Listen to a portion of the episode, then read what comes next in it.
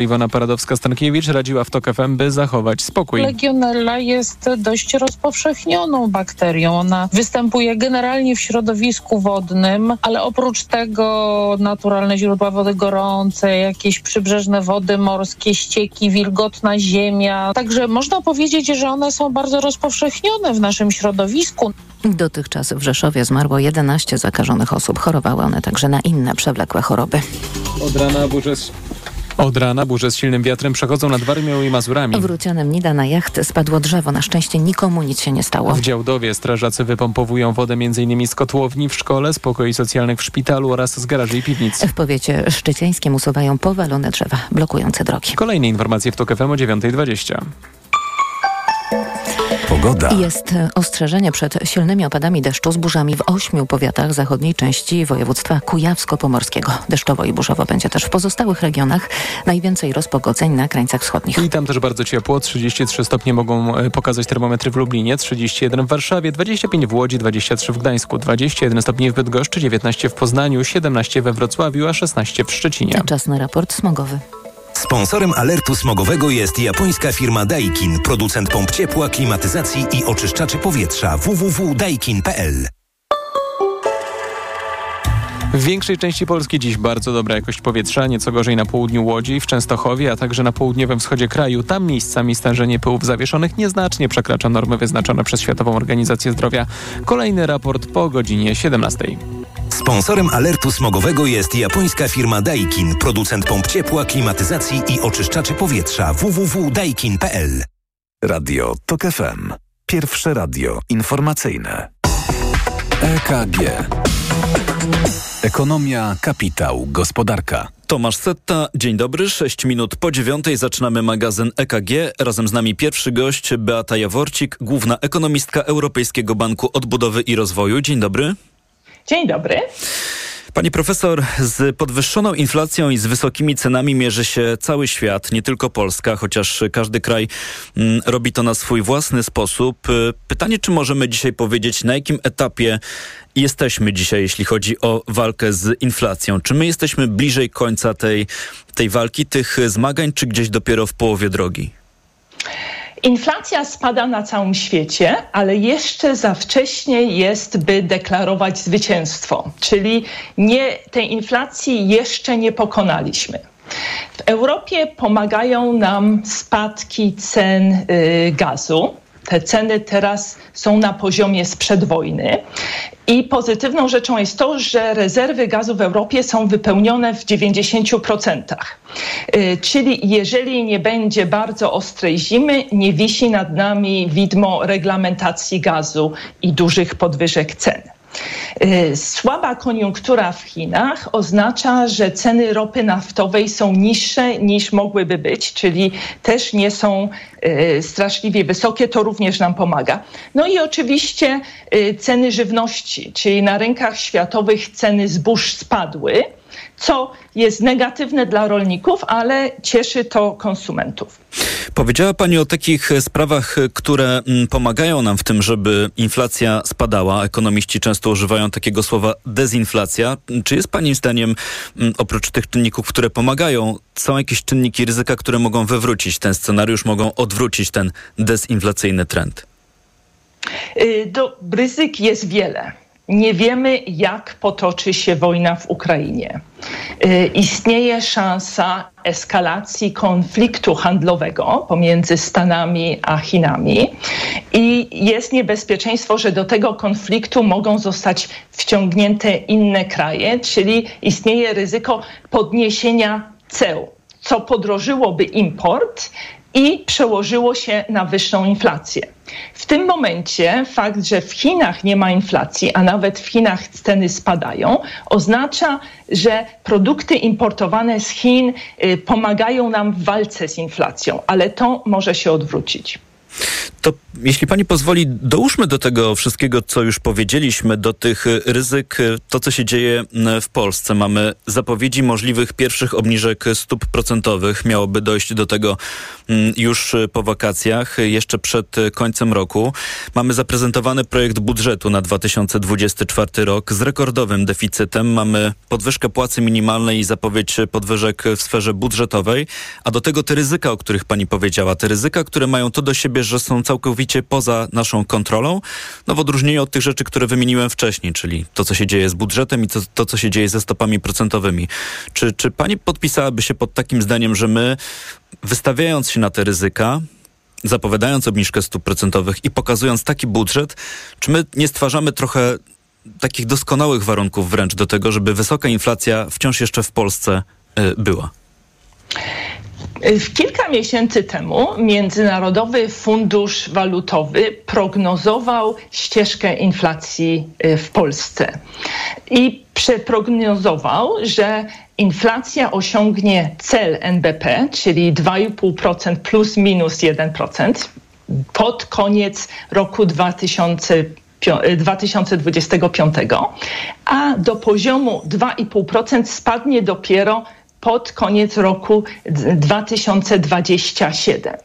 Czyli ta walka z inflacją y, będzie długa i y, tutaj ja jestem raczej poglądów konserwatywnych i y, uważam, że tak jak myślą szefowie największych banków centralnych na świecie, czyli amerykańskiego Fedu, czy Europejskiego Banku Centralnego, czy Banku Angielskiego.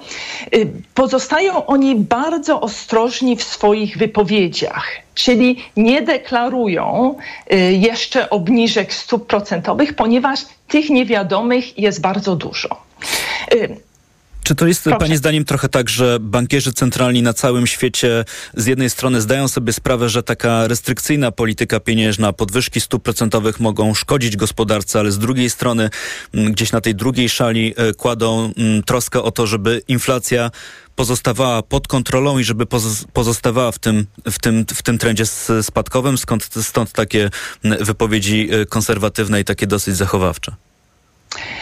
Y, zachowawcze wypowiedzi biorą się również z tego, że w czasie pandemii y, sparzyliśmy się, czyli y, bankowcy przewidywali, że inflacja będzie chwilowa, tymczasowa, a ta inflacja u nas się zadomowiła. I jak gdyby inflacja jest bardzo ciężko wyplenić. Walka z inflacją jest ogromnie kosztowna, ponieważ wiąże się z ochłodzeniem gospodarki. Dlatego czasem lepiej być bardziej konserwatywny niż poprzez przedwczesne decyzje y, przedłużać ten okres walki z inflacją.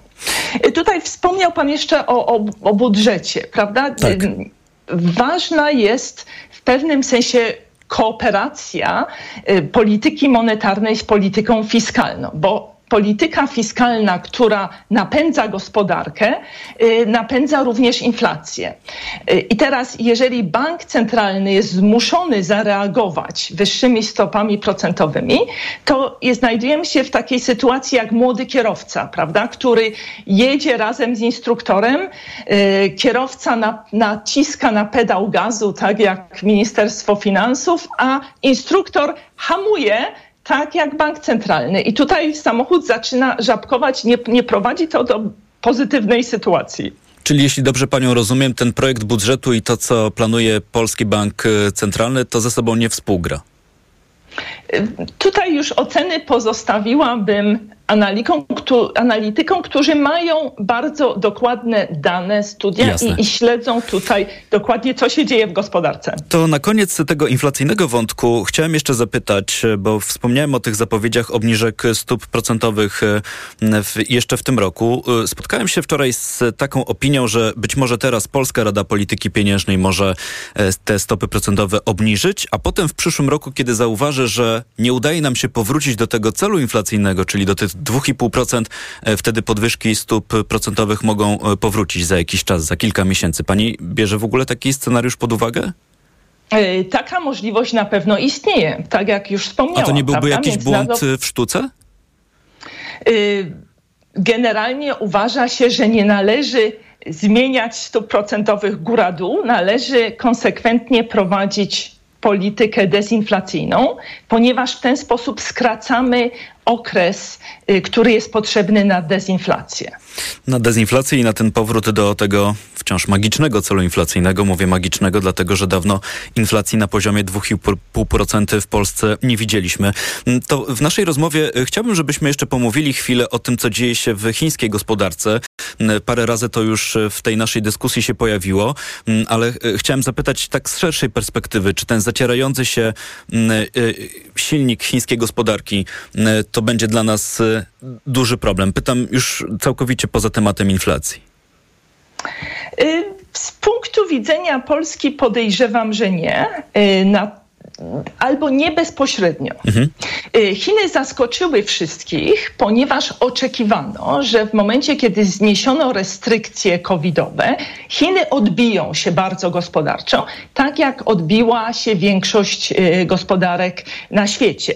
To nie nastąpiło, częściowo nie nastąpiło to z powodu sektora nieruchomości i sektora budowlanego, y, który rząd celowo ochładzał, obawiając się takiej bańki dużego, bardzo dużego wzrostu cen.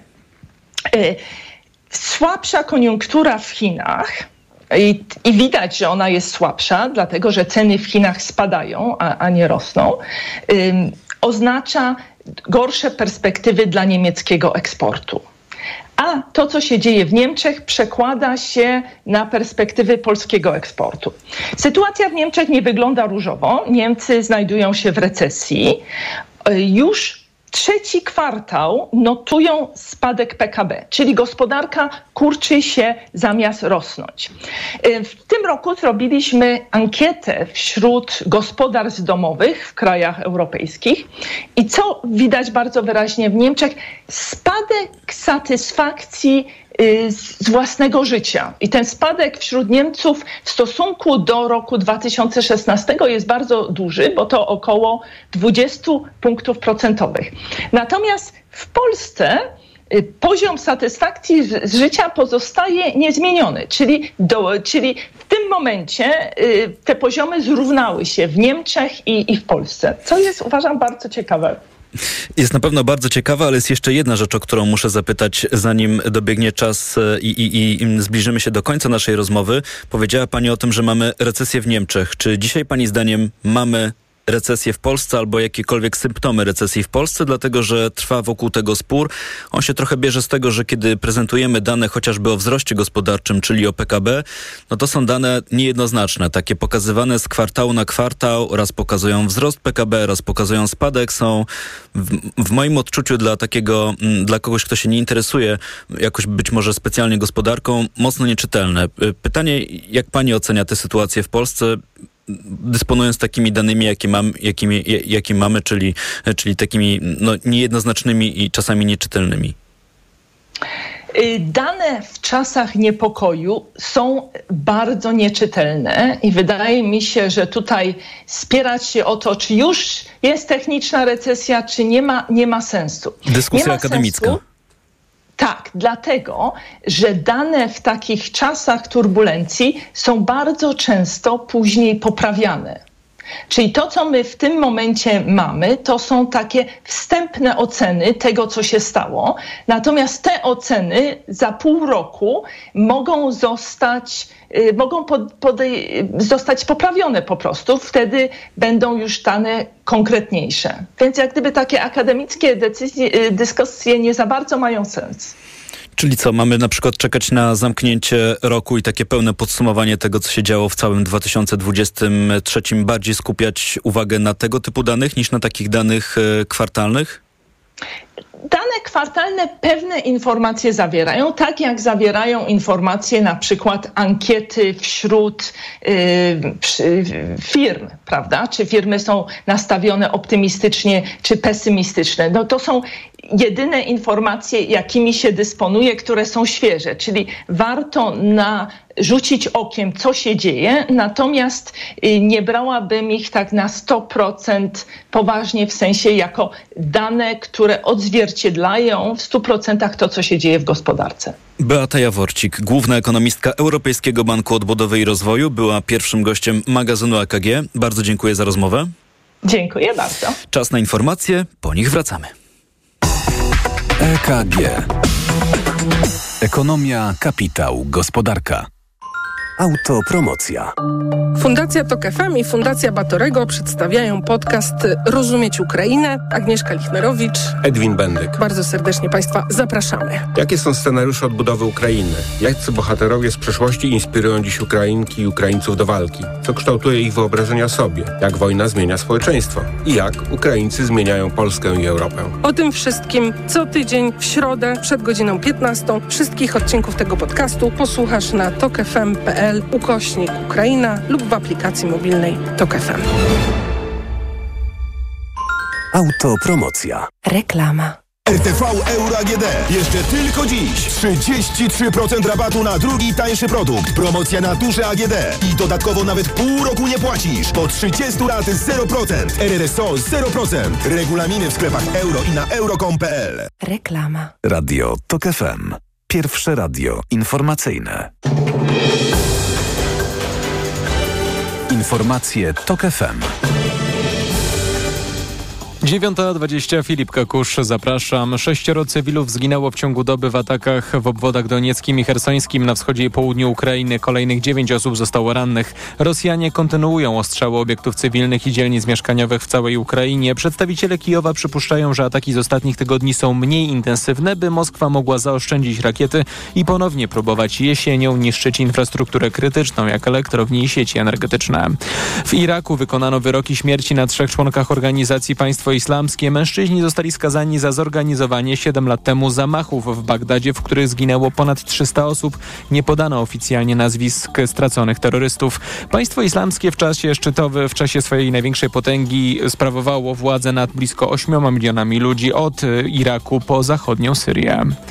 Policja wszczęła postępowanie dyscyplinarne i procedurę zwolnienia ze służby funkcjonariusza z Białego Stoku, który ma zarzuty w śledztwie związanym z nadawaniem sygnałów radiostop i zatrzymaniem pociągów, m.in. koło Łap w Podlaskiem. Wcześniej policja informowała, że zatrzymała w Białymstoku dwie osoby. W województwie podlaskim w niedzielę rano po nadaniu sygnału stanęły pociągi w pobliżu stacji Łapy, a koło południa dwukrotnie wstrzymano ruch kolejowy na trasie Sokółka-Szepietowo. Pogoda. Na zachodzie będzie dziś chłodno i deszczowo, możliwe też burze z porywistym wiatrem. Na wschodzie więcej słońca i gorąco. Dziś w Szczecinie 16 stopni, 23 w Trójmieście, 25 w Łodzi, 31 w Warszawie, 33 w Lublinie. Radio TOK FM. Pierwsze radio informacyjne. EKG. Ekonomia, kapitał, gospodarka. Zaczynamy drugą część magazynu EKG. Państwa kolejni goście to dziś pani Grażyna Piotrowska-Oliwa, Rada Dyrektorów Pepco Grupy i prezes, grupy, prezes zarządu grupy Modne Zakupy. Dzień dobry. Dzień dobry. Zdalnie łączy się z nami też pani profesor Iga Magda, Instytut Badań Strukturalnych Szkoła Główna Handlowa w Warszawie. Dzień dobry. Mam nadzieję, że się słyszymy i dołączył też do nas pan Ignacy Morawski, główny ekonomista Pulsu Biznesu. Zaraz będzie przy mikrofonie i będzie mógł się z państwem dzień przywitać. Dobry, dzień dobry. Dzień dobry. Jesteśmy już w pełnym składzie, więc możemy zacząć. Wydaje mi się, że możemy zacząć od tych tematów inflacyjnych. Inflacja spada, ale wciąż jest, wydaje mi się, w wielu domach tematem numer jeden, bo nie ma przecież rzeczy chyba dla nas ważniejsze niż to, ile płacimy za nasze zakupy, za usługi, których też potrzebujemy. W pierwszej części programu naszym gościem była Beata Jaworcik z Europejskiego Banku Odbudowy i Rozwoju. No i z tego, co usłyszałem, walka z inflacją nie jest jeszcze rozstrzygnięta, więc no, trudno mówić tutaj o jakiejkolwiek wygranej. Tymczasem w Polsce słyszymy zapowiedzi obniżek stóp procentowych jeszcze w tym roku jesienią. A wczoraj spotkałem się w mediach społecznościowych z taką oto opinią, że w Polsce być może teraz będą obniżki stóp procentowych, potem Rada Polityki Pieniężnej poczeka kilka miesięcy i w przyszłym roku zobaczy, że no tak daleko jeszcze jesteśmy od celu inflacyjnego, że nie ma wyjścia. Musimy wrócić do podnoszenia stóp procentowych. To może na początek pan Ignacy Morawski, czy to jest w ogóle realny scenariusz? Teraz przedwczesna obniżka, potem zorientujemy się, że to nie do końca powinno tak wyglądać i będziemy stopy podnosić. Jest to jeden ze scenariuszy na pewno, który można rozważyć. E, walka z inflacją nie jest zakończona, bo inflacja wciąż wynosi prawie 11%, a przypomnę, że cel inflacyjny wynosi 2,5%, więc nam jeszcze do tego celu jest daleko. E, jednocześnie trzeba zauważyć, że inflacja szybko spada. E, w lutym to było, z tego co pamiętam, około 18%, teraz jest niecałe 11%. Wydaje mi się, że pod koniec roku to będzie jakieś 7% może. W przyszłym roku pewnie 5-6%. E, więc, więc ta inflacja dość szybko spada. E, I teraz e, pytanie jest takie, kiedy ona spadnie do, do, tego, do tego celu inflacyjnego. Na pewno pomaga fakt, mamy trochę sił antyinflacyjnych i trochę proinflacyjnych. Antyinflacyjnie działa fakt, że spadają na świecie ceny energii, surowców, dużo tańszy jest gaz niż w, zeszłym, niż, niż w zeszłym roku, tańsze są surowce rolne, coraz niższa jest dynamika cen żywności w sklepach, więc te wszystkie procesy globalne, które nakręciły inflację, one się teraz odkręcają równie szybko. Ale z drugiej strony są też z drugiej ryzyka, strony mamy, które trzeba brać pod tak, uwagę. Mamy, nie wiemy, czy się wydarzą, tak. ale nie można ich ignorować. Takim e, pewnie kluczowym e, czynnikiem proinflacyjnym jest e, wciąż, no, dla niektórych to może się wydawać zaskakujące to, co powiem, ale dobra koniunktura w kraju. Mamy bardzo niskie bezrobocie, e, właściwie rekordowo niskie, wysoki wzrost przeciętnego wynagrodzenia, więc firmy podnoszą wynagrodzenia, jednocześnie mają to poczucie, że mogą podnieść, e, mogą podnieść ceny. E, kiedy sobie spojrzymy na przykład na podaż pieniądza, to jest ciekawy wskaźnik. On może nie jest w normalnych czasach, jak jest spokojnie traktowany przez ekonomistów jako bardzo istotny, ale w ostatnich latach e, ta, ta ilość pieniądza w gospodarce wzbudzała zwiększoną, zwiększoną uwagę, ponieważ w czasie pandemii rządy wpompowały dużo pieniędzy w gospodarkę. No więc na przykład o ile w strefie euro ilość pieniądza w gospodarce spada, ostatnie dane pokazują spadek rok do roku ilości pieniądza w gospodarce, to w Polsce ta dynamika przyspiesza. E, bo mamy przyspieszenie akcji kredytowej e, dla gospodarstw domowych, e, w niektórych segmentach dla przedsiębiorstw. E, będziemy mieli niedługo przyspieszenie konsumpcji, więc generalnie gospodarka e, trzyma się e, całkiem nieźle, jak na warunki, w których funkcjonuje. I to może utrudniać zbijanie inflacji. Więc ja sądzę, że to, to będzie taka walka między tymi siłami antyinflacyjnymi i proinflacyjnymi. Mam nadzieję, że do podwyżki stóp procentowych nie dojdzie w przyszłym roku, ale żeby nie doszło, to wydaje mi się, że wszelkie obniżki w tym roku muszą być naprawdę bardzo ostrożne. Ja uważam, że nie powinno ich być, a jeżeli mają być, to powinny być bardzo ostrożne. Mówił Ignacy Morawski. To może teraz pani Grażyna Piotrowska-Oliwa. tak trzymam się tego inflacyjnego tematu, bo wydaje mi się, że mm, mówiłem o tym, co się dzieje e, w gospodarstwach domowych, po prostu w naszych e, budżetach, tych, e, które, którymi dysponujemy na co dzień, ale to, co się dzieje z inflacją, to też jest rzecz rzecz ważna z punktu widzenia biznesu i, i, i przedsiębiorstw w takim, w, takim, w takim najbardziej chyba pożądanym scenariuszu, kiedy jesteśmy w celu inflacyjnym i te ceny rosną, ale w stabilnym, przewidywalnym tempie. E, więc ten cel inflacyjny, dlatego do niego wracamy, bo on z tego punktu widzenia jest istotny. Mm, ale dopytuję o to, bo ten scenariusz, że teraz stopy procentowe obniżymy, a potem podwyższymy, dla mnie brzmi trochę jak błąd w sztuce. No pytanie, czy my na taki błąd w sztuce jesteśmy gotowi? Chyba wszyscy chcielibyśmy w tym inflacyjnym celu być jak najszybciej. A przede wszystkim e, myśmy się przyzwyczaili przez bardzo długi okres e, czasu do mm, inflacji, podobnej do tego celu inflacyjnego, o którym mówimy, czyli 2,5%, czyli coś, co było praktycznie nieodczuwalne i z jednej strony dla konsumentów i z drugiej strony, strony dla przedsiębiorców. Myśmy nauczyli się żyć w świecie bez dużej inflacji. To, co się stało w ciągu, e, w ciągu ostatnich dwóch lat, to jest z jednej strony, pewnie tutaj moglibyśmy właśnie nawiązując do tej planowanej najpierw obniżki, potem e, podwyżki. Moglibyśmy nawiązać do tego szeregu błędów ze strony mm, NBP-u, ze strony e, jednak regulatora e, rynku za i obwiniać, znowu wypomnieć po raz kolejny za późną reakcję na, mm, na to, co się działo na świecie. Inne banki centralne potrafiły się pozbawie, pozbierać wcześniej. Mieliśmy rekordowo wysoką inflację. Ta inflacja spada, co nie oznacza, i to warto też podkreślać, że ceny spadają bo ceny po prostu rosną nam wszystkim dużo wolniej. I jakby taki ostatni punkt, e, jeżeli by popatrzeć na to, co się, co się dzieje, zresztą to nie tylko w Polsce, e, na to, jak dużą część e, swoich, swoich przychodów muszą wydawać konsumenci na podstawowe produkty i jak ceny tych podstawowych produktów wzrosły. I one tutaj z odczytami inflacji niejednokrotnie się bardzo mocno rozjechały, no bo nie mogliśmy mówić o podwyżkach rzędu 70-80%, a jeżeli popatrzeć, porównać ceny sprzed dwóch lat, tych podstawowych, czyli mm, oleju, cukru, mąki, no rzeczy, które każdy z nas e, ma jako taką podstawę e, u siebie w zapasach, e, no to widzimy, jak duża jest rozbieżność między odczytami inflacyjnymi, a tym, ile musimy rzeczywiście płacić za podstawowe produkty konsumpcyjne. I ta zmiana w ciągu dwóch lat była gigantyczna. W tej chwili to po prostu tylko hamuje. Co znowu podkreślam, nie oznacza, że ceny spadają. Mówiła Grażyna Piotrowska-Oliwa. Ja tylko dodam, żebyśmy mieli pełną jasność. E, zapowiedź obniżek stóp procentowych to są komunikaty, które płyną także od e, członków Rady Polityki Pieniężnej. Te ewentualne podwyżki w przyszłym roku to tylko taki scenariusz, który ja tutaj kreślę. Nikt dzisiaj z członków Rady o tym nie mówi. To jest krok. No jeden który... z dużych banków opublikował taką prognozę. Tak, o, no to to możemy jeszcze... Komer tylko... banków komercyjnych. Tak, tak. Swoją tak. prognozę stóp procentowych taką opublikował. Tak, natomiast chcę podkreślić, że to nie jest komunikat taki oficjalny, który płynie od Rady, tak żeby to dla naszych słuchaczek i słuchaczy było czytelne. Yy, można tylko jedną rzecz dodać, że to znowu pachnie wyborami, ale może ja już jestem przeczulona. W kampanii wyborczej chyba wszystko w Turcji była taka historia ostatnio. Nie, nie wiem, czy mogę dodać, czy nie powinienem. To możemy jednym zdaniem. No prze, przecież bank centralny przez długi czas y, y, obniżał stopy procentowe mimo inflacji. Przyszły wybory i po wyborach to się wszystko odwróciło. Bank centralny bardzo szybko teraz podnosi stopy procentowe. No jak śledzimy mm, nie tylko decyzje Rady Polityki Pieniężnej, ale także to, co mówi prezes Narodowego Banku Polskiego i jednocześnie przewodniczący e, Rady, e, to wydaje się, że ta e, polityka w Radzie Polityki Pieniężnej to nie jest tylko polityka pieniężna, ale także ta polityka czysto partyjna. Mówi przed momentem pan Ignacy Morawski i Grażyna Piotrowska-Oliwa. To jeszcze pani profesor Iga Magda, bo rynek pracy się pojawił już w naszej dyskusji dzisiaj. Silny rynek pracy, który może nam utrudnić to zbijanie inflacji.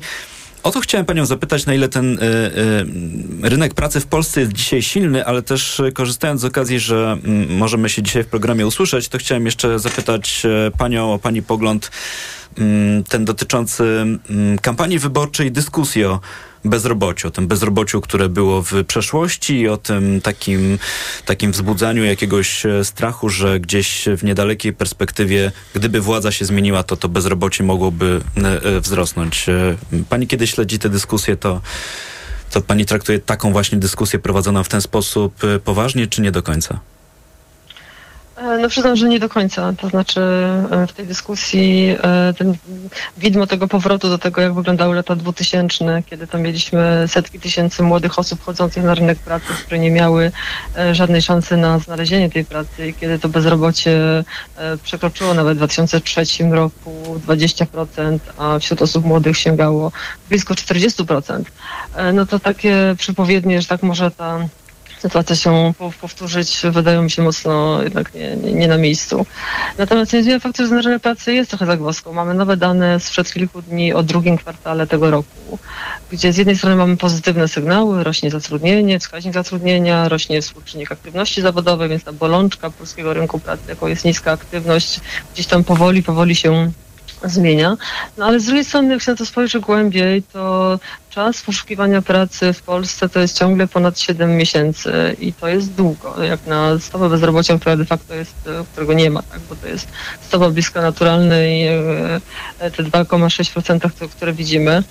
E, I wracając do tych osób młodych, e, tam też widać wyraźnie, że one sobie, ta ich sytuacja na rynku pracy jest wyraźnie trudna i, i nawet coraz trudniejsza, bo pomimo tego, że bezrobocie lekko spada, no albo tam ono rok do roku zostało w miejscu, e, to jednocześnie wzrosła stopa bezrobocia osób młodych 15-20 wieku 15-24 lata i ona sięga już 11%, więc z jednej strony to 11% to jest oczywiście dużo, dużo mniej niż 35, e, które kiedyś obserwowaliśmy.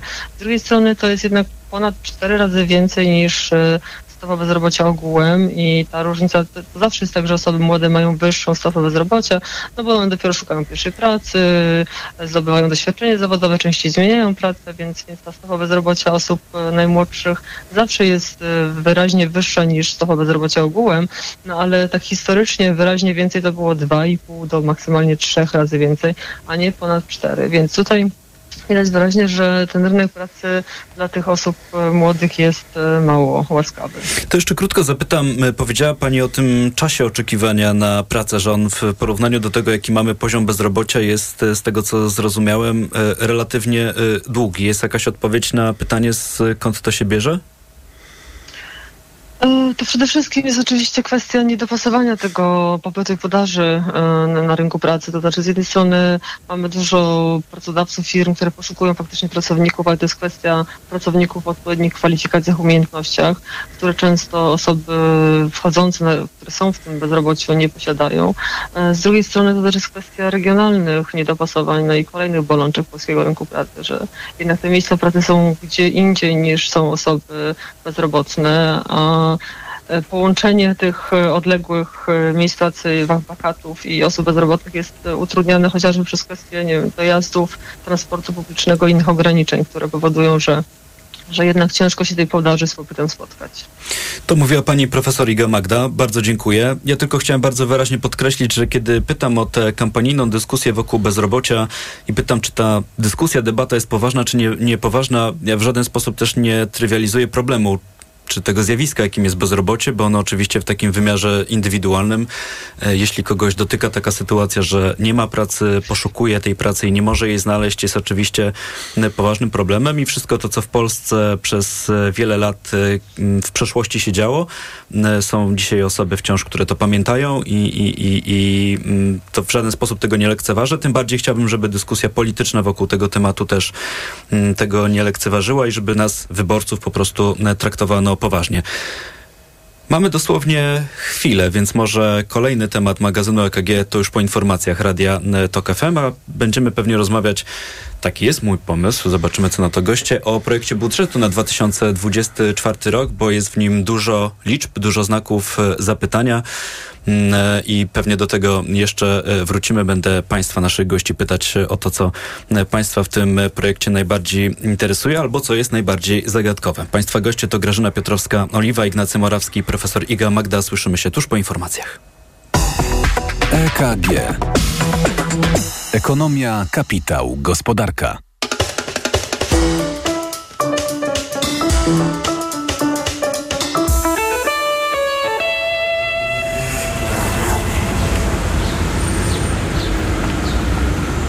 A dictator Dyktator, który chce odbudować imperium, nigdy nie będzie w stanie wygrać z zamiłowaniem ludzi do wolności. Brutalność nie zwycięży z wolą wolnych ludzi. Ukraina nigdy nie będzie zwycięstwem Rosji. Nigdy. Teraz, kiedy prezydent Stanów Zjednoczonych, państwa, które ma prawdopodobnie największą sprawczość wciąż, mówi o tym, że Ukraina nigdy nie będzie zwycięstwem Rosji, to wydaje się, że to może być prognoza na przyszłość. Radio TOK FM. Pierwsze radio informacyjne.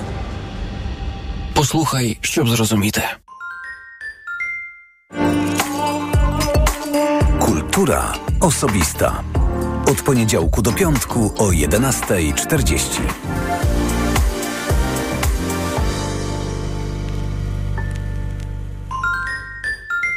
Reklama. RTV Euro AGD.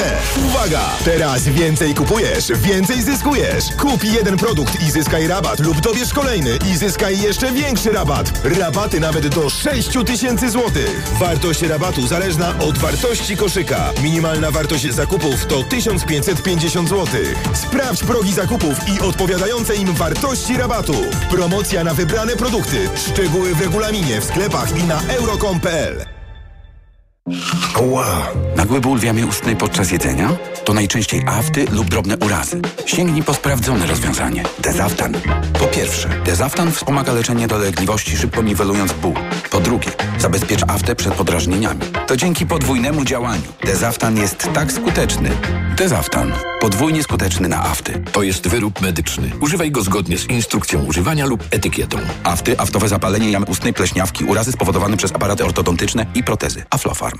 Zakupy robię w Lidlu. Już od poniedziałku. Ćwiartki kurczaka, cena przed obniżką 9,99 za kilogram. A teraz z kuponem Lidl Plus aż 50% taniej. Tylko 4,99 za kilogram. Szczegóły promocji w aplikacji Lidl Plus. Winogrona jasne bezpestkowe, cena przed obniżką 14,99 za kilogram. Teraz 46% taniej. Tylko 7,99 za kilogram. A żel lub kapsułki do prania persil w supercenie. Tylko 63,99 za opakowanie. Dla takich oszczędności zakupy robię w Lidlu.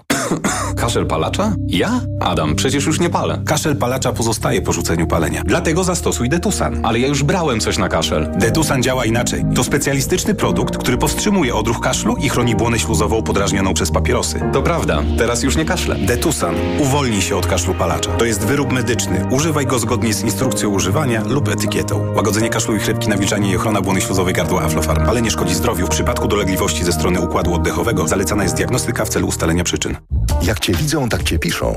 Obecność w bazie Krajowego Rejestru Długów może wpływać na postrzeganie Ciebie lub Twojej firmy. Na www.krd.pl możesz uzyskać dostęp do szczegółowych informacji. Pomyśl o konsekwencjach. Sprawdź, jak Cię widzą inni. Ale schudłaś. Stosuję tabletki na wątrobę Hepa Slimin. Wątroba spisuje się wspaniale. Hepa Slimin wspomaga też utrzymanie smukłej sylwetki. To tylko dodatek. To ja też będę brać Hepa Slimin. Suplement diety Hepa Slimin w trosce o wątrobę i smukłą sylwetkę. Mate pomaga w utrzymaniu prawidłowej masy ciała, a choina wspiera funkcjonowanie wątroby. Aflofarm. Lato to słońce, upał i dużo ruchu na świeżym powietrzu. Upały to nie są żarty. Osłabienie, ciągłe pragnienie i brak energii wraz z potem możesz stracić cenne elektrolity i minerały. Potrzebujesz orzeźwienia. Litorsal. Suplement diety nawadnia, szybko gasi pragnienie, utrzymuje prawidłowy poziom płynów i elektrolitów podczas upałów i wysiłku fizycznego. Litorsal. Dostępny w aptekach. Zdrowit. Reklama. Radio TOK FM. Pierwsze radio informacyjne. Informacje TOK FM. 9.40 Filip Kakusz, zapraszam. Wciąż nie jest znane źródło zakażenia legionellą. Sanepid prowadzi dochodzenie epidemiologiczne, powiedział podkarpacki inspektor sanitarny Adam Sidor. W województwie odnotowano prawie 150 zakażeń, 11 osób zmarło. Badane są próbki wody z miejskich wodociągów, instalacje zostały przepłukane. Sanepid pobrał 100 próbek, na razie są wyniki badań 9 z nich, legionellę wykryto w czterech. Źródłem zakażenia bakterią jest woda inhalowana do dróg oddechowych. Nie można zarazić się od drugiej osoby ani przez picie wody. Władimir Putin nie przyjedzie na szczyt G20, który we wrześniu odbędzie się w Indiach, ogłosiło biuro premiera Narendry Modiego. Podobnie jak na szczycie BRICS w Johannesburgu, Moskwę będzie reprezentował szef dyplomacji Sergiej Ławrow. Wiosną Międzynarodowy Trybunał Karny wydał nakaz aresztowania rosyjskiego dyktatora pod zarzutem zbrodni wojennych związanych z deportacją ukraińskich dzieci. Jednak Indii ten nakaz nie obowiązuje, bo kraj nie jest sygnatariuszem statutu rzymskiego stanowiącego podstawę działań Trybunału. 21 osób aresztowała policja na Cyprze po starciach z udziałem migrantów i lokalnych mieszkańców na zachodzie wyspy. Rozruchy rozpoczęły się w niedzielę. Migranci zorganizowali protest przeciwko przemocy. Równolegle trwała demonstracja przeciwko nielegalnej migracji, po czym doszło do aktów wandalizmu. Wczoraj wieczorem napięcie rosło. Policja musiała rozdzielać obie grupy, używając gazu łzawiącego i armatek wodnych. W ostatnich latach na Cypr przybywa coraz więcej osób, które ubiegają się o azyl. Duża część to uciekinierzy z Syrii. Tymczasem eksperci z Francji twierdzą, że jeśli obecne trendy demograficzne się utrzymają, to w tym kraju wkrótce migracja będzie odpowiada za większość wzrostu populacji w nadchodzących latach. Pokolenia urodzone w trakcie powojennego wyżu demograficznego będą zanikać, a obecnie wskaźnik urodzeń spada. Wiele kobiet decyduje się na pierwsze dziecko później niż dotychczas. W zeszłym roku różnica między urodzeniami a zgonami osiągnęła we Francji najniższy poziom od 1945, a w tej chwili około 10% społeczeństwa, czyli 7 milionów osób, to imigranci. Pogoda. Wtorek będzie deszczowy, lokalnie burze, lokalnie również z porywistym wiatrem i gradem. Na wschodzie będzie upalnie, miejscami ponad 30 stopni, na zachodzie chłodno do 17. 19 stopni pokażą termometry w Gdańsku, 22 w Katowicach, 25 w Warszawie, 32 w Białymstoku i Rzeszowie. Radio TOK FM. Pierwsze radio informacyjne. EKG. Ekonomia, kapitał, gospodarka. Jest 9.43 w Radiu Tok FM. Zaczynamy trzecią część magazynu EKG. W naszym studiu Grażyna Piotrowska-Oliwa i Ignacy Morawski i łączymy się też z panią profesor Igą Magdą. Mm, zapowiedziałem przed informacjami, że będziemy o projekcie budżetu na przyszły rok mówić, to pomówmy. Mm, Poznaliśmy kilka liczb dotyczących tego, co w tym planie finansowym państwa na przyszły rok się znajdzie i chyba taką liczbą, która najbardziej e, zaintrygowała czy zainteresowała wszystkich, e, którzy śledzą te tematy, no to jest e, rekordowy deficyt, który chce nam zaproponować rząd. To pytanie do pana Ignacego Morawskiego, może też tak zaczniemy i tę część od, od, od pana. Czy, um, czy to jest tak, że ten rekordowo wysoki deficyt, kiedy pan y, śledzi dotyczące, informacje dotyczące tego budżetu, czy ten rekordowy deficyt bierze się stąd, że rząd w końcu po wielu latach postanowił wrzucić do budżetu państwa te wszystkie fundusze, o których bardzo często mówiliśmy, że są poza budżetem, generują dług, są, są poza kontrolą parlamentu. Myślę to tutaj o Polskim Funduszu Rozwoju czy Banku Gospodarstwa Krajowego. E, Czy to jest tak, że teraz e, właśnie dzieje się wszystko to, o co apelowała część ekspertów, żeby te wydatki pozabudżetowe wrzucić do budżetu i stąd deficyt mamy taki, a nie inny? E, nie, nie sądzę, żeby to była główna przyczyna. Zacznę może od, e, od jakichś liczb, żeby ustawić kontekst. E, Deficyt w finansach państwa rzeczywiście jest wysoki, ale nie jest rekordowy. On wyniesie w całym sektorze finansów publicznych, czy też mówiąc szerzej instytucji, sektor instytucji rządowych i samorządowych, czyli można powiedzieć całe polskie państwo, rząd, samorządy, ubezpieczenia społeczne, liczone, dane liczone według metodologii Unii Europejskiej, czyli te wszystkie fundusze pozabudżetowe tam są to ten deficyt wyniesie, ma wynieść 4,5% PKB. Bo powinniśmy liczyć w relacji do PKB, tak? Bo jak będziemy brali nominalne liczby, to przecież dzisiaj miliard złotych to nie jest ten sam miliard, który był 10 lat temu. Tak? E, Jasne, czyli w tym takim ja, porównaniu ja, do- Ja liczę w, procent, w relacji do, do produktu krajowego brutto, tak? Więc, I to jest 4,5%, to jest dużo. Bo generalnie, jeżeli chcielibyśmy być taką gospodarką, która utrzymuje stabilny dług, stabilne wskaźniki długu, czyli nie, nie, nie powiększa systematycznie zadłużenia, nie wchodzi w taką spiralę zadłużenia, to powinniśmy utrzymywać deficyt na poziomie e, około 2% powiedzmy PKB, tak? Czyli mamy e, cz- 4,5%, czyli dość dużo i moim zdaniem to jest efekt dwóch czynników. Po pierwsze mamy wybory i te wybory przyniosły różne obietnice, które są kosztowne, na przykład podniesienie e, finansowania programu 500 plus do 8, 800 plus, tak? I drugi czynnik bardzo istotny to jest finansowanie e, armii. E, czynnik nadzwyczajny.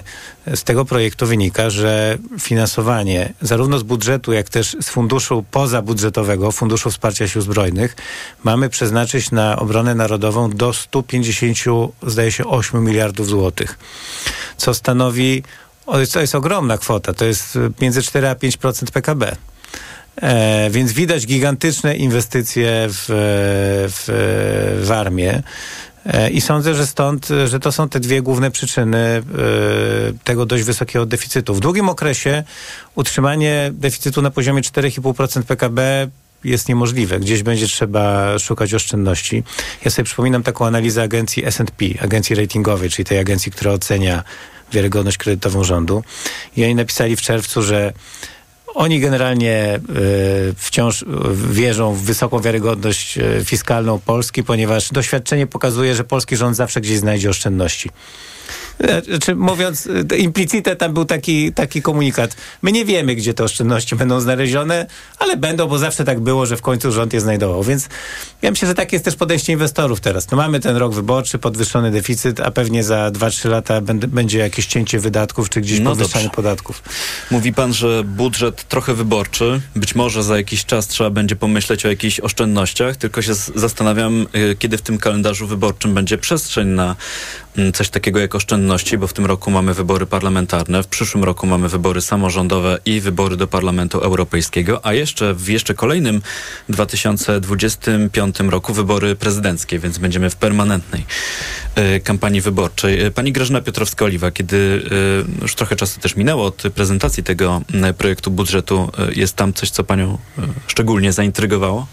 Mnie Zain- zaintrygowała mm, może tak, y, przypomnijmy założenia budżetowe. W założeniach budżetowych jest 3% mm, wzrostu PKB w ujęciu realnym, czyli mówimy o 3%. To, co się dzieje z polską gospodarką dane GUS-u, czyli gospodarka hamuje.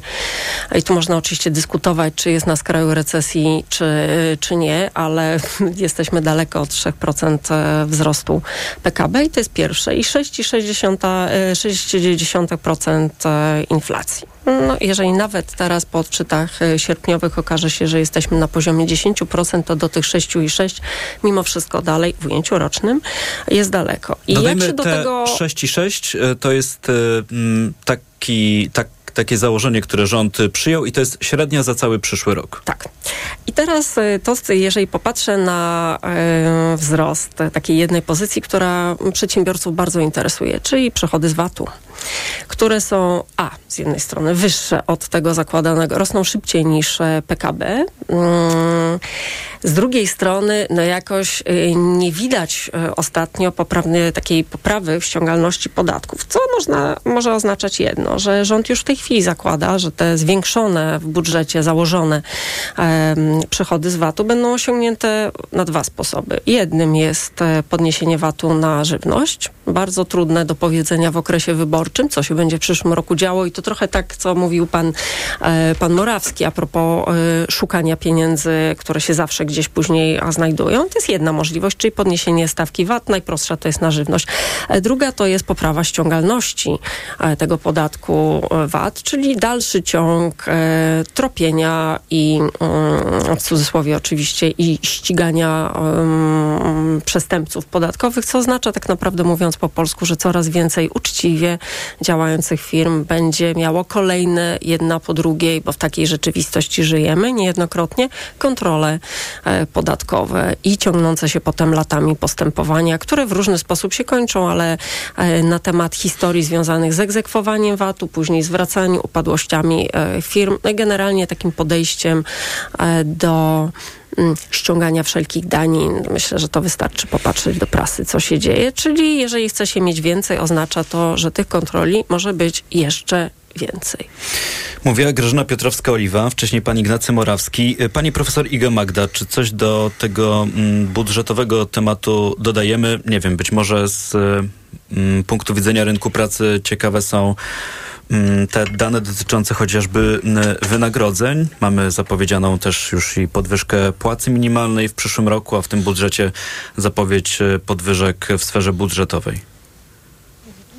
E, ja najpierw wrócę może do czegoś, co mnie zaciekawiło bardziej, czyli wydatki na ochronę zdrowia. E, bardzo proszę. Z prezentacji budżetowych wynikało, że bardzo nam wzrosną te wydatki do 190 miliardów złotych. Tam były takie słupki, oczywiście te słupki, można się ich długo nie dyskutować, jak one są rysowane, natomiast e, teoretycznie pokazany jest właśnie bardzo duży wzrost. On porównany do wydatków w 2015 roku, tam było 70 parę miliardów złotych, więc może to wyglądać faktycznie, robić wrażenie. No oczywiście jak się spojrzy głębiej w dane, to wydatki ostatnio ostatni, jaki głos podawał z 2021 roku e, na zdrowie wynosiły 172 miliardy, więc no te 20 miliardów więcej to już jest tak mało.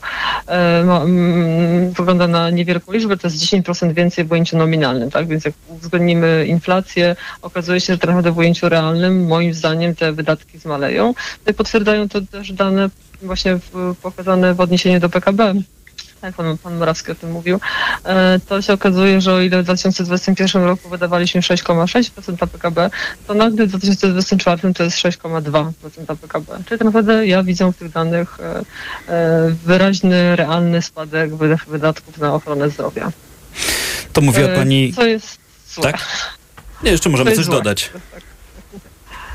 Zawsze jest ten kłopot, kiedy się nie widzimy, jesteśmy, łączymy się zdalnie, że mogę Państwu wchodzić w słowo, za co za każdym razem przepraszam. E, mówiła Pani profesor e, Iga Magda. Do naszej dyskusji w magazynie EKG za moment wrócimy. Zamykamy temat dotyczący projektu budżetu na przyszły rok i przechodzimy do zdziwień.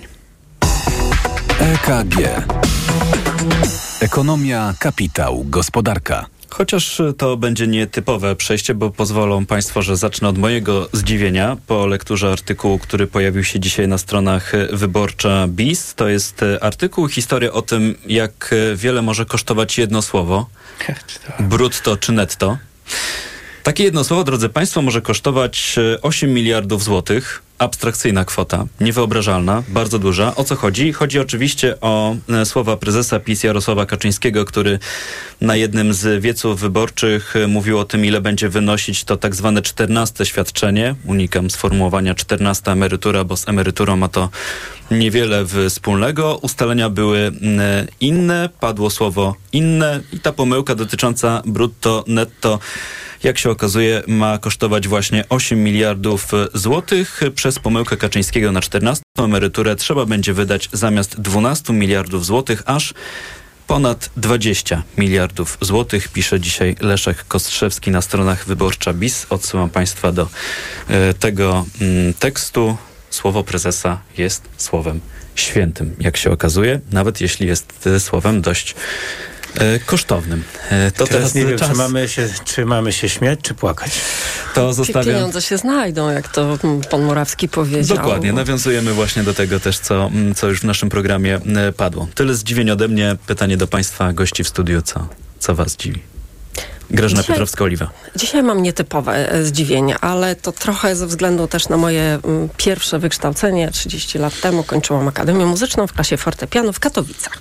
W Katowicach odbywa się teraz e, konkurs imienia, zaraz się rozpocznie, za kilkanaście dni, konkurs imienia Karola Szymanowskiego. I Wszyscy potępiamy agresję Rosjan e, na, na Ukrainę. Wszyscy patrzymy, co się dzieje, a tymczasem moje zdziwienie dotyczy tego, jak bardzo niektóre dziedziny, i w tym momencie kultura, są też przez tą wojnę dotknięte. Bo co się, co się wydarzyło w ciągu ostatnich paru dni na konkursie? E, to może tak, przepraszam, że to tak długo, ale artyści szykując się do każdego konkursu mają listę utworów i wykonawców, do których mogą się, do których się, których wybierają, się przygotowują. Na liście tych kompozytorów e, znaleźli się Rachmaninow, Prokofiew, Skryabin. I teraz artyści przygotowywali się od wielu miesięcy na konkurs, który zaraz się zaczyna. Natomiast kilka dni temu zostali poinformowani, że e, rosyjskich kompozytorów grać nie będziemy ze względu na konflikt co to oznacza dla artysty, bo to słuchacze nie muszą e, wiedzieć. E, oznacza to jedno, że tak jakby sportowcowi powiedzieć, szykujesz się takiemu, który na przykład rzuca młotem, że na olimpiadzie tej samej wystąpi teraz w sztafecie 4 razy 100, to jest to samo jak powiedzieć muzykowi, że a teraz to sobie zagrasz coś innego, albo cała twoja strategia, którą przygotowywałeś pod konkretny konkurs, no, musi ulec zmianie. I to jednak jest moje zdziwienie, że agresja bez wątpienia, tutaj, żeby, muszę to wyraźnie powiedzieć, wszyscy to potępiamy, ale kolejnym krokiem mogę sobie wyobrazić, że co, tablice Mendelejewa będą ze szkół, z, że powinny zniknąć, pobliska ulica Gagarina powinna zostać przemianowana, nie wiem, na generała Hermaszewskiego, który by mu się zresztą tak e, swoją drogą należało, był to do tej pory jedyny e, jedyny kosmonauta Polski, ale to jest takie zdziwienie i małe, e, może małe adwocem, 150. rocznicę urodzin Rachmaninowa Malinowa świętuje absolutnie cały świat. Bo to jest dorobek jednak kultury światowej. Ja tylko dodam e, informację dla Państwa, którzy nas słuchają i są być może spoza e, Warszawy. Ulica Gagarina jest po prostu dosyć blisko naszej redakcji, więc e, to chyba też taka pierwsza, która może przyjść na myśl. No ja po prostu też myślę o takiej e, kwestii komunikacyjnej, to znaczy gdyby ci, którzy przygotowują się do konkursu wiedzieli wcześniej, Rok którzy temu. kompozytorzy Rok... są z, z, skreśleni Dokładnie z tej listy tak. i, i mogą przygotowywać się z innego repertuaru, to być może tych problemów byśmy uniknęli. Zaskakujące zdziwienie, przyznaję, ale kultury nigdy dość. Ale kultura to, też, kultura to też biznes. A, o, to na pewno. Nie zapominajmy o tym. Mówiła Grażyna Piotrowska-Oliwa, pan Ignacy Morawski. No to teraz po takim e, ale bardzo zdziwieniu, krótko, już mało e, czasu. Ja schodzę na, na, jakieś bardzo proste rzeczy, ale no dobrze, bardzo krótko. E, ja takie pozytywne zdziwienie mam. E, wysoki wzrost inwestycji firm ostatnio. To jest ciekawe dosyć, że mamy w Polsce załamanie konsumpcji, czyli ludzie mniej kupują, ale jednocześnie firmy więcej inwestują. Ostatnie dane pokazały, że w drugim kwartale średnie i duże firmy w Polsce zwiększyły inwestycje realnie, realnie o około 13% rok do roku, czyli bardzo, bardzo dużo. I teraz jest, jest wiele hipotez. To może być wzmożone wykorzystanie funduszy europejskich przed końcem roku, to może być efekt dużych inwestycji zagranicznych związanych z tak zwanym nearshoringiem, friendshoringiem, czyli zmianami w łańcuchach dostaw. To może być realizacja opóźnionych zamówień inwestycyjnych, bo był problem z dostępem do samochodów, maszyn w ostatnich latach. To może być przyspieszona transformacja energetyczna, a może, i to jest pewnie jedna z moich głównych hipotez, może najsilniejsza, jest to po prostu efekt tego, że firmy mają naprawdę dużo gotówki, bo w ostatnich latach miały dobre wyniki finansowe i szukają e, dobrej alokacji dla tej gotówki. Więc to jest i zaskakujące, i pozytywne. Nikt nie oczekiwał tego, że inwestycje firm będą tak rosły szybko w tym roku. Powszechnie prognozy wskazywały albo na stagnację, albo na niewielki wzrost. Tymczasem mamy, mamy duży wzrost. Zobaczymy, czy to jest trwałe zjawisko. Pewnie nie do końca, ale, ale jest to zjawisko zaskakujące i pozytywne. No. Pozytywnych zdziwień w naszym programie też nigdy dość, mówił Ignacy Morawski, główny ekonomista Pulsu Biznesu. Bardzo dziękuję. Była z nami też Grażyna Piotrowska-Oliwa, Rada Dyrektorów Pepco Group i prezes zarządu Grupy Modne Zakupy. Również dziękuję. Dziękuję bardzo. I pani profesor Iga Magda, Instytut Badań Strukturalnych i Szkoła Główna Handlowa, Handlowa w Warszawie. Również dziękuję za przyjęcie zaproszenia. Zaglądamy jeszcze na giełdę papierów wartościowych w Warszawie. Indeks szerokiego rynku WIG w tej chwili zyskuje 25%, WIG20 także w górę o 15 setnych, euro kosztuje 4,47, dolar po 4 zł i 13 groszy, funt po 5,21, frank szwajcarski 4 zł i 67 groszy. To, co dzieje się ze złotym też jest e, ciekawe, wydaje się warte dyskusji, ale na tę dyskusję już dziś w programie nie mamy czasu. Magazyn wydawała Natalia, magazyn EKG wydawała Natalia Banaczek, zrealizował Kamil Wróblewski. Po informacjach o 10 w radiu TOK FM audycja Owczarek. Dziś Cezary Łasiczka będzie rozmawiać o energii we wszechświecie. Gorąco Państwa zapraszam. Tomasz Setta. Dobrego dnia i do usłyszenia. EKG. Ekonomia, kapitał, gospodarka. Koniec dnia to idealny moment na chwilę zastanowienia nad nami, światem, historią. Zwolnij, weź oddech i posłuchaj o wszystkim, co ważne. Maciej Zakrocki przedstawia. Od poniedziałku do piątku po 23. Do usłyszenia. Reklama. Let's go! Wielka wyprzedaż w Mediamarkt. Ekspres do przygotowywania napojów gazowanych Soda Stream Terra z dwiema butelkami w zestawie za 299 zł. Najniższa cena z 30 dni przed obniżką to 339 zł. Mediamarkt. Ale ty schudłaś. Nie zgadniesz dzięki czemu. Zmieniłam preparat magnezu. Na magiczny magnes? Na Neomax Slim.